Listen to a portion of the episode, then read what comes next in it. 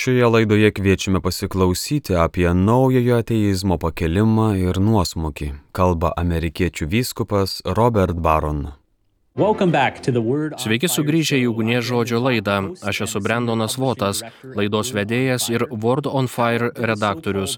Kaip 2000-ųjų pradžioje taip greitai iškilo vadinamasis naujasis ateizmas, kas lėmė, kad tokie žmonės kaip Richardas Dawkinsas ir Christopheris Hitchensas tapo tokie populiarūs ir darantis įtaką visuomenėje. Ir kaip šis naujojo ateizmo judėjimas per pastaruosius keliarius metus beveik taip pat greitai išsikvėpė. Šias temas šiandien aptarsime su vyskupu vyskupu Robertu Beronu, kuris prisijungia prie mūsų iš Ročesterio, Minnesotos valstijoje. Vyskupė, malonu būti su jumis. Hey, morning. Labas rytas, Brendonai. Recently... Nesenai grįžote iš Harvardo vienos iš svarbiausių IVI lygos institucijų. Ką ten veikėte ir kaip sekėsi?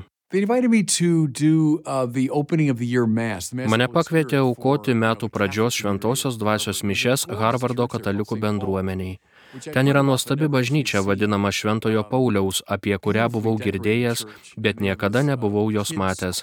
Gražiai papuošta bažnyčia ir jie turi vaikų chorą, kurie gėda labai profesionaliai. Taigi ten sakiau pamokslą, laikiau šventasias mišes o po pietų nuėjau į pagrindinę klasikinę protestantišką bažnyčią, kuri yra Harvardo kiemo širdyje. Vadinasi Memorial Church. Ir ten susirinko apie tūkstantį žmonių. Ten aš kalbėjau apie katalikų intelektualinę tradiciją. Tai buvo džiaugsminga, užimta ir labai turininga diena. Pamačiau bendrabutį, kuriame studijavo busimi prezidentai Franklinas Rooseveltas ir Johnas Kennedys, pamačiau kambarį, kuriame mokėsi Markas Zuckerbergas, būsimas Facebook įkūrėjas, kai studijavo Harvarde. Vis dar stovinčią koplyčią, kurioje būtų meldęsis jaunasis Jonas Adamsas. Harvarde buvau keletą kartų, bet tai buvo mano nuodugniausia pažintis su juo. But it was my most thorough um, kind of immersion in it. Man tiesiog malonu girdėti, kad buvo tokia didelė katalikų reakcija į atvykusi kunigą. Paprastai čia, ypač šiuose IVI lygos institucijose, jos sekularizuotos, juose nėra vietos religijai. Tad tai, kad jie jūs pasitiko su tokia didelė minė, tikrai džiugina. Was, yeah, taip, taip, man taip atrodė. Well, today I, I by... Na, šiandien noriu pradėti nuo to, kad iš tikrųjų rekomenduosiu, o paskui aptarsiu šią visiškai naują knygą. Ja parašė mūsų draugas Justinas Braidley. Jis yra ilgametis radio laidos Unbelievable Junktinėje karalystėje, kurioje jūs jau dalyvavote vedėjas. Tačiau jis parašė puikią naują knygą, kuri vadinasi Stebinantis tikėjimo į Dievą atgimimas. Kodėl naujasis ateizmas paseno ir ir sekuliarūs mąstytojai vėl svarsto apie krikščionybę. Žinau, kad jūs, kaip ir aš, perskaitėte nemažą jos dalį ir tikiuosi, kad galėsime surenkti diskusijų ciklą. Tačiau šiandien noriu sutelkti dėmesį tik į pirmąjį skyrių, kuriame aprašomas naujojo ateizmo judėjimo iškilimas ir žlugimas. Šis judėjimas jau seniai buvo ugnies žodžio tarnystės, jūsų darbų vaizdo įrašų ir rašinių priešininkas. Taigi pradėkime nuo jo apibrėžimo, kas yra naujasis ateizmas kas jį padarė naują ir kuo jis skiriasi nuo klasikinio apšvietos ateizmo. I always see the new atheism which emerged in the early uh, zeros, right? Naująjį ateizmą atsiradusi šio amžiaus pradžioje visada laikiau reiškiniu po rugsėjo 11-osios. Taigi 2001 metais įvyko rugsėjo 11-osios teroro aktas New York'e ir tai atgaivino šį seną švietėjišką tropą, kad religija, tiek kiek ji iracionali, yra smurtinė. Anot jų, kadangi religinio ginčio negalima išspręsti diskusijomis ir argumentais, vienintelis būdas tai padaryti yra smurtas.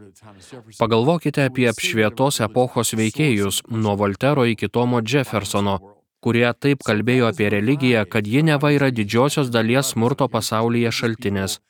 Dėl akivaizdžių priežasčių tai buvo atgaivinta po rugsėjo 11-osios. Štai religingi žmonės, kurie lėktuvais įsirežė į pastatus ir nužudo tūkstančius žmonių. Štai religijos problema. Ir tada tą įvykį išreiškė kai kurie, kuriuos pavadinčiau nepaprastai talentingais retorikais. Ir čia akivaizdžiai ateina į galvą Kristoferis Hitchensas, vienas iš labiausiai retoriškai talentingų žmonių per pastaruosius 25 metus. Taip pat Richardas Dawkinsas, žmogus, kuris mokėjo apeliuoti į emocijas ir sužadinti žmonių jausmus. Kitas geras pavyzdys - Semas Harisas, šviesus žmogus, bet iš esmės retorikos specialistas.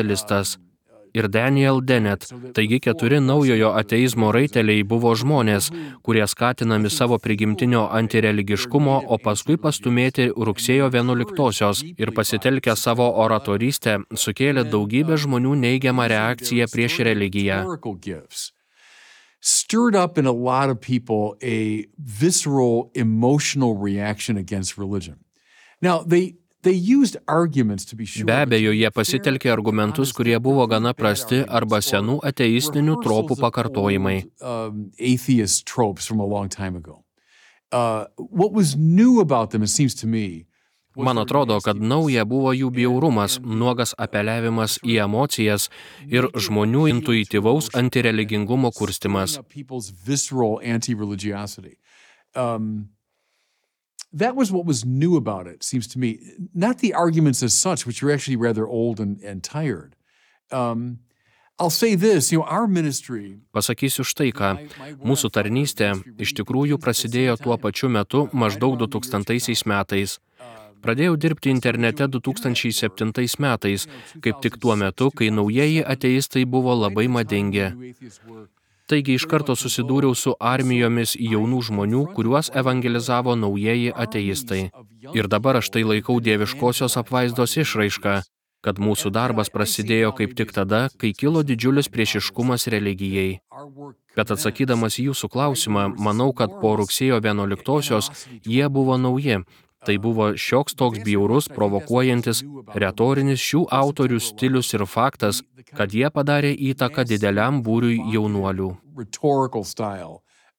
uh, and the fact that they did influence uh, large swaths of uh, of young people.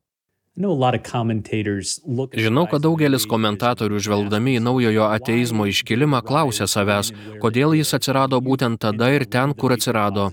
Ir jūs užsiminėte apie vieną iš pagrindinių priežasčių - rugsėjo 11-osios išpolius. Džestinas Bradley savo knygoje nagrinėja dar dvi priežastis prisidėjusias prie to. Viena iš jų buvo stiprėjantis kultūrinio karo dialogas tarp religijos ir mokslo, ypač diskusijos dėl evoliucijos mokymų programų Amerikoje. Ir trečia - interneto ir socialinės žiniasklaidos atsiradimas. Pakalbėkite apie pastaruosius du dalykus - tikėjimą mokslu bei internetą ir socialinę žiniasklaidą. Well, the social media thing, and we talked a lot about this, has a positive side and a negative side. Socialinė žiniasklaida, apie kurią daug kalbėjome, turi ir teigiamų, ir neigiamų pusių. Neigiama tai, kad nuomonės gali greitai apimti visą populiaciją. Ir dėl socialinės žiniasklaidos pobūdžio jos būna gana paviršutiniškos. Žmonės komentuoja, greitai reaguoja ir dažniausiai reaguoja emociškai. Su tuo susidūriau, kai dariau vaizdo įrašą, kuriame kalbėjau apie Dievą. Dabar mes juos vadiname troliais, bet tada sulaukdavau tokios vidinės giliai emocinės reakcijos. Dabar matau, kad tai mane nuoširdžiai nustebino naiviai. Bet aš tikėjausi Bertrando Russelo lygio įsitraukimų, rimtų kontrargumentų. Tačiau susidūriau su šia daugiausiai emocijomis paremta paviršutiniškumo banga. Manau, kad tai tikrai buvo socialinės žiniasklaidos produktas ir tai prisidėjo prie naujosios ateistų bangos. Mokslo dalykas taip absoliučiai ir aš apie tai kalbėjau daugelį metų. Kai sakau, kad mes tikintieji, manau, kad mes praradome kamolį. Mes leidome, kad šį pokalbį perimtų scientizmo ir materializmo evangelistai. And that was a, a huge problem. As I've said a million times, we Kaip jau milijoną kartų sakiau, mes, religingi žmonės, neturime nieko, nieko, nieko prieš mokslą. Mes pasisakome prieš filosofinę scientizmo arba materializmo perspektyvą, kuri teigia, kad tikrovė tiesiog sutampa su tuo, ką galima pamatyti ir išmatuoti empiriškai.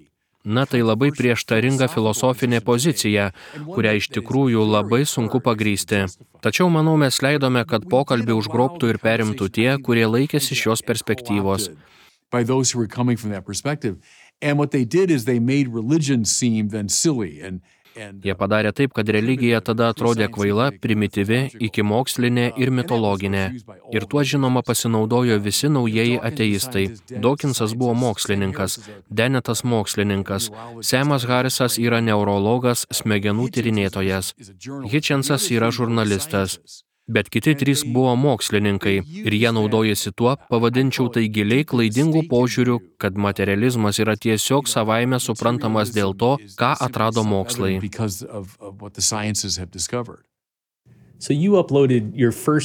Pirmąjį vaizdo įrašą YouTube įkėlėte 2007 metais, o tai, kaip minėjote anksčiau, buvo kaip tik tuo metu, kai atsirado naujasis ateizmas.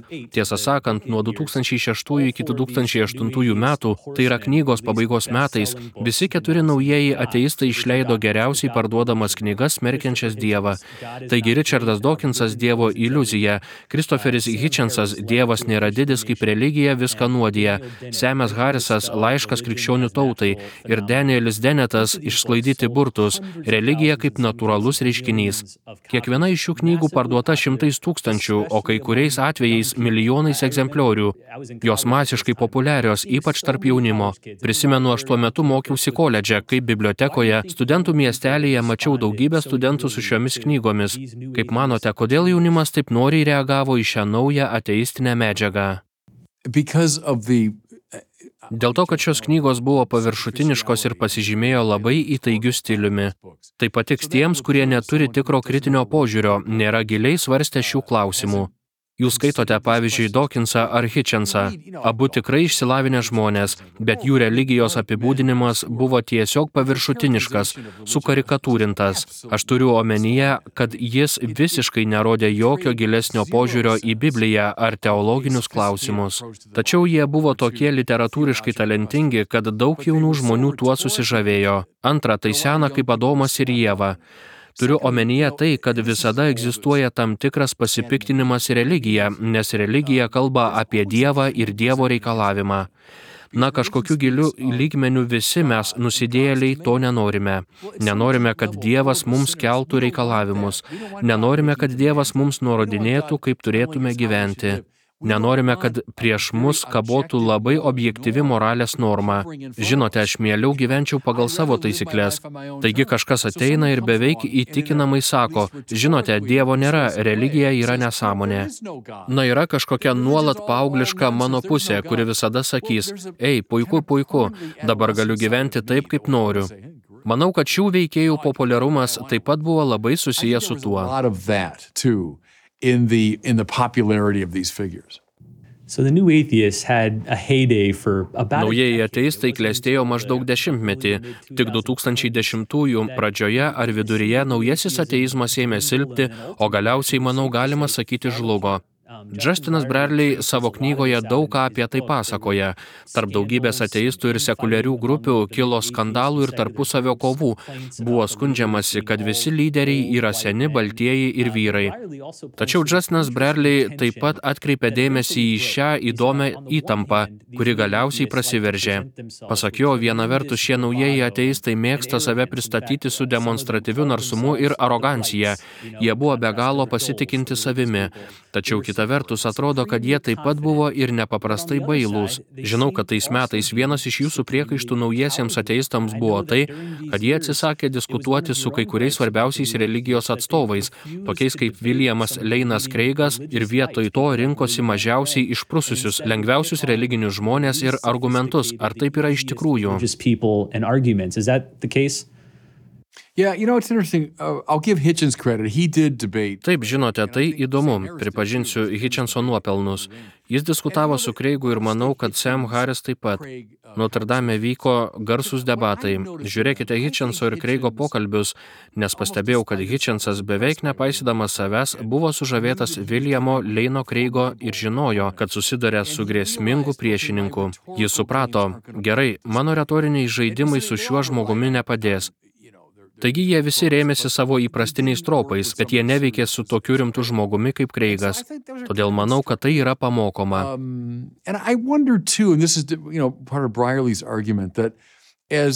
Man taip pat įdomu ir tai, žinote, yra Brailio argumento dalis, kad tai anksčiau agnostikai ir ateistai pradėjo giliau ir atidžiau žvelgti į religiją. Ar tai įvyko dėl to, kad naujieji ateistai savo demonstratyviu narsumu, kaip jūs sakote, privertė mus vėl imti žaidimo?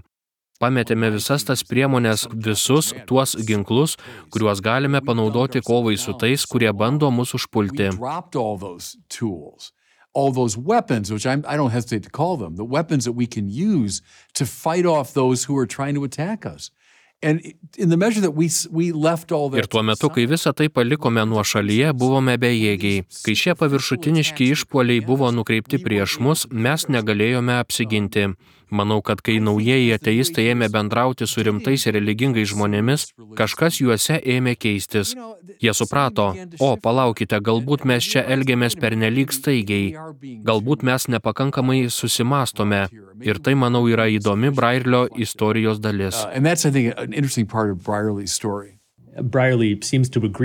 Braidlis su jumis sutinka. Tiesą sakant, vienoje vietoje jis provokuojančiai sako, dėkoju Dievui už Richardą Dawkinsą, griežčiausi mūsų kritikai dažnai būna tie, kurie labiausiai padeda mums aukti.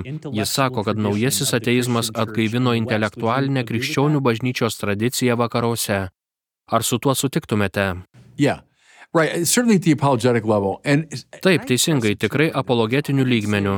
Ir aš tai taip pat pabrėžiu, Brendonai, nes labai aukštų lygių veikiantiems teologams pasakyčiau, kad jie prarado ryšį su gyvaja bažnyčia ir ryšį su apologetika. Grįžkime prie Tomo Akviniečio, kuris buvo teologas pačiu aukščiausiu lygmeniu.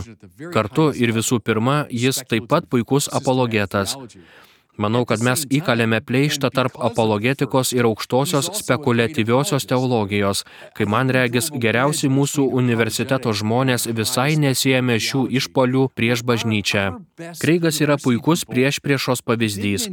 Todėl manau, kad tai yra geras jo išplėtojimas, kad mums reikia vėl integruoti mūsų universitetinę spekuliatyvėją teologiją ir apologetiką. Noriu, kad Žanas Lukas, Merionas, Davidas Tracy ir kiti žmonės būtų apologetikos priešakinėse linijose, o ne tik užsiiminėtų aukščiausiais abstrakčiausiais klausimais. Taigi manau, kad visais šiais atžvilgiais tai mus pažadino taip. Um, and not just entertaining the highest, most abstract uh, questions.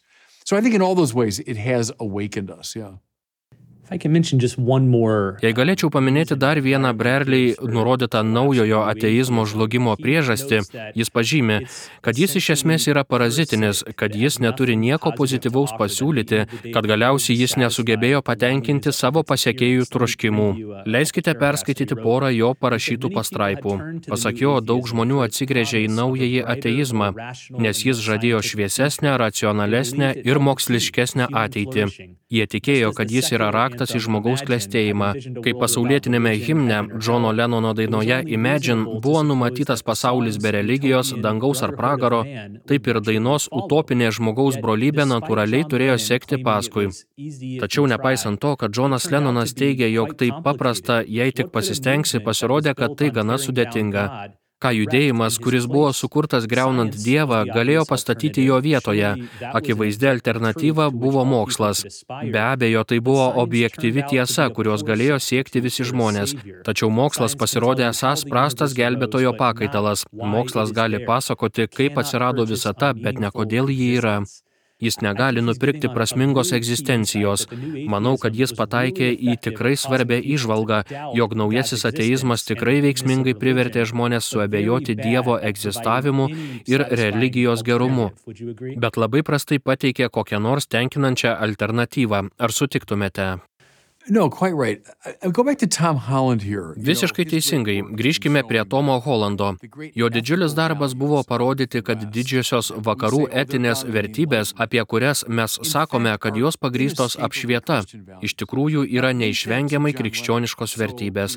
Dabar susiekite tai su Džonu Lennonu, taigi su žmonių brolybė. Ar Julijus Cezaris tikėjo žmonių brolybę?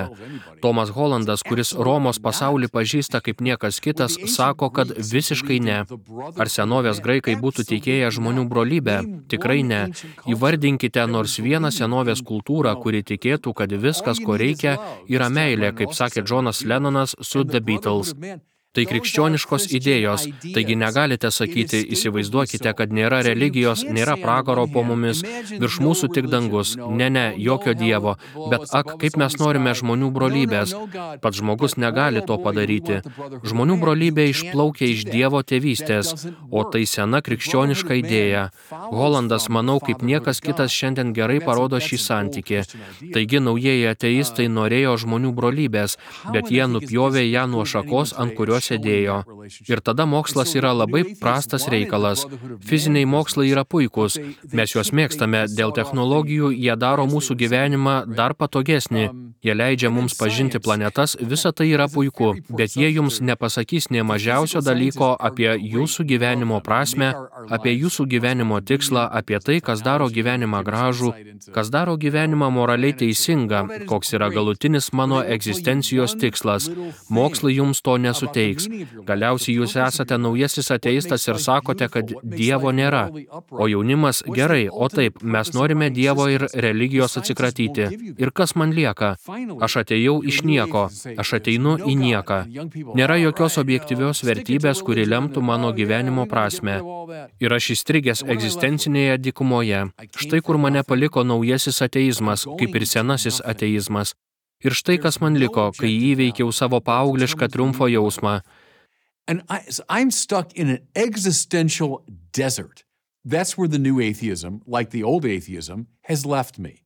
And so once I get over the kind of my, my adolescent, you know, uh, sense of triumph, Dabar pasveikinkite Jordaną Petersoną, Tomą Holiną, Douglasą Murėjų ir žmonės, kurie galbūt būtų paskyrę save agnostikams ar net ateistams ir kurie dabar pradeda sakyti, palaukite, palaukite, palaukite. Šiame religinėme dalyke yra kažkas, kas nėra tik kvailas prietaras, priespauda ar tai, kad religija viską nuodija. Galbūt iš tikrųjų yra kažkas, ką sako didžiosios religijos. Ir tai yra momentas, kurį teisingai įvardyja Breirlis, kur mes dabar esame, tarsi posūkio taške.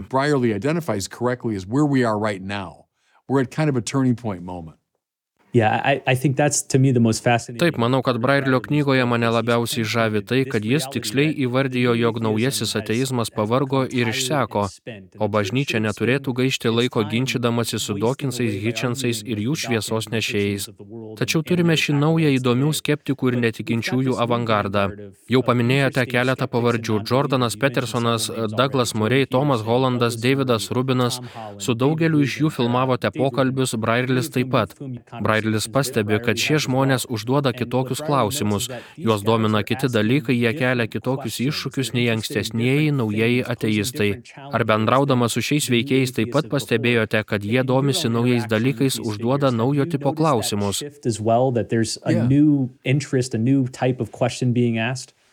Uh, Žinote, grįžkime prie Deivo Rubino, nes aš su juo kalbėjausi keletą kartų. Pirmą kartą buvau Los Andželė, dalyvavau jo laidoje.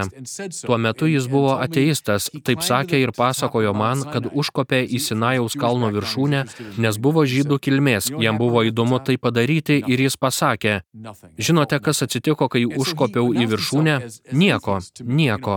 Aš nieko nepajutau. Ir taip jis man paskelbė, kad yra ateistas. Na, po to buvo antras ar trečias kartas, kai su juo kalbėjausi. Aš atsitiktinai tai pasakiau. Jokių būdų nenorėjau to kritikuoti. Tiesiog pasakiau, žinai, Deivai, kad tu būdamas ateistas taip sakai, tai gana įdomu. Jis padarė pauzę ir pasakė, Nemanau, kad ebesu ateistas. Ir tada supratau, kažkas pasikeitė. Tuo metu jis keliavo su Jordanu Petersonu, kuris daug kalbėjo apie Dievą. Jis kalbėjo apie Bibliją, apie dvasinę gyvenimo dimensiją. Ir manau, kad tai padarė didelę įtaką Deivui Rubinui. Ir tada pats Petersonas, žinoma, yra puikus to pavyzdys, vyras turintis mokslinį išsilavinimą, bet pradėjęs skaityti ir mąstyti apie tai, apie ką kalbėjo didžiosios religijos. Na dar kartą norėčiau visus paraginti pasimti naująją Justino Brairlio knygą Stebinantis tikėjimo į Dievą atgimimas, nes busimiems pokalbėms norėčiau apžvelgti kai kuriuos papildomus knygos skyrius, kur kreipiamas dėmesys į klausimus, kuriuos skeptiškai nusiteikia ieškotojai kelia mokslo, kultūros, istorijos ir Biblijos atžvilgių. Tai galbūt apie kiekvieną iš šių temų galėsime pasikalbėti atskirai.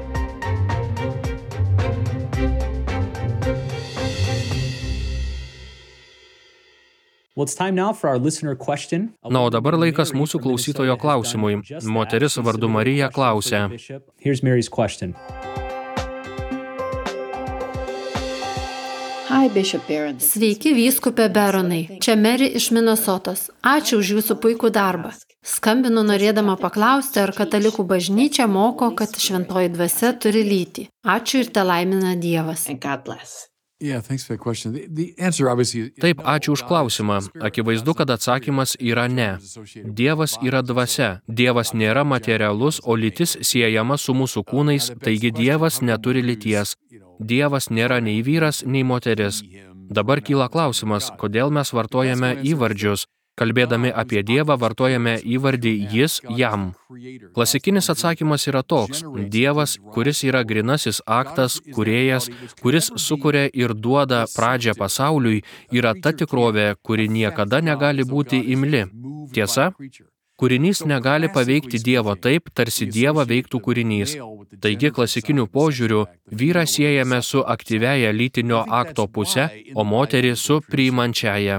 Ir manau, kad būtent todėl Biblijoje ir didžiojoje tradicijoje vyriškai įvardį siejame su Dievu.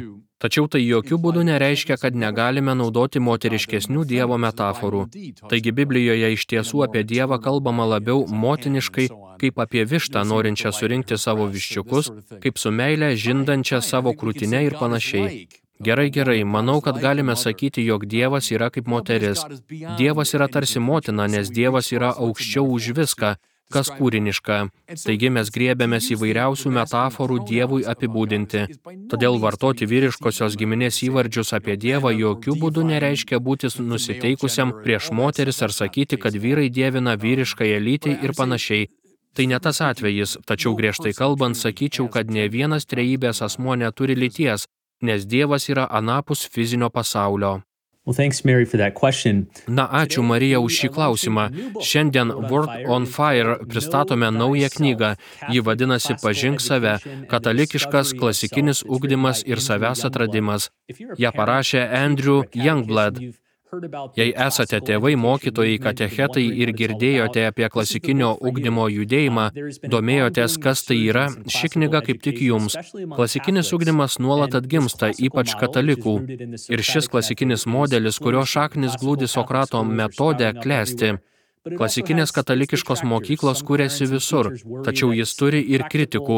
Kai kurie tėvai ir mokytojai nerimauja, kad jis nepraktiškas, pasenęs ar dar blogiau smerkiantis. Šioje knygoje Andrew Youngblodas, pedagogas turintis dešimtmečių klasikinio mokymosi patirtį ir kaip mokinys ir kaip mokytojas supažindina skaitytojus su šia įdomia ugdymo alternatyva ir jos intelektinė bei dvasinė nauda. Pasitelkdamas trumpas vinjetės, linksmas mokinių ir mokytojų jų istorijas bei pavyzdžius iš pamokų, knygoje Pažink save teigiamai pagrindžia švietimo kelią, kuris moko mokinius pamatyti save Dievo akimis ir iš tiesų pažinti save tokius, kokiais jie yra pašaukti būti. Knyga vėlgi vadinasi Pažink save - katalikiškas klasikinis ugdymas ir savęs atradimas. Labai ačiū, kad žiūrėjote ir klausėtės. Šioje laidoje klausėmės amerikiečių vyskupo Robert Baron, kuris kalbėjo apie naujojo ateizmo pakilimą ir nuosmukį. Likite su Marijos radiju.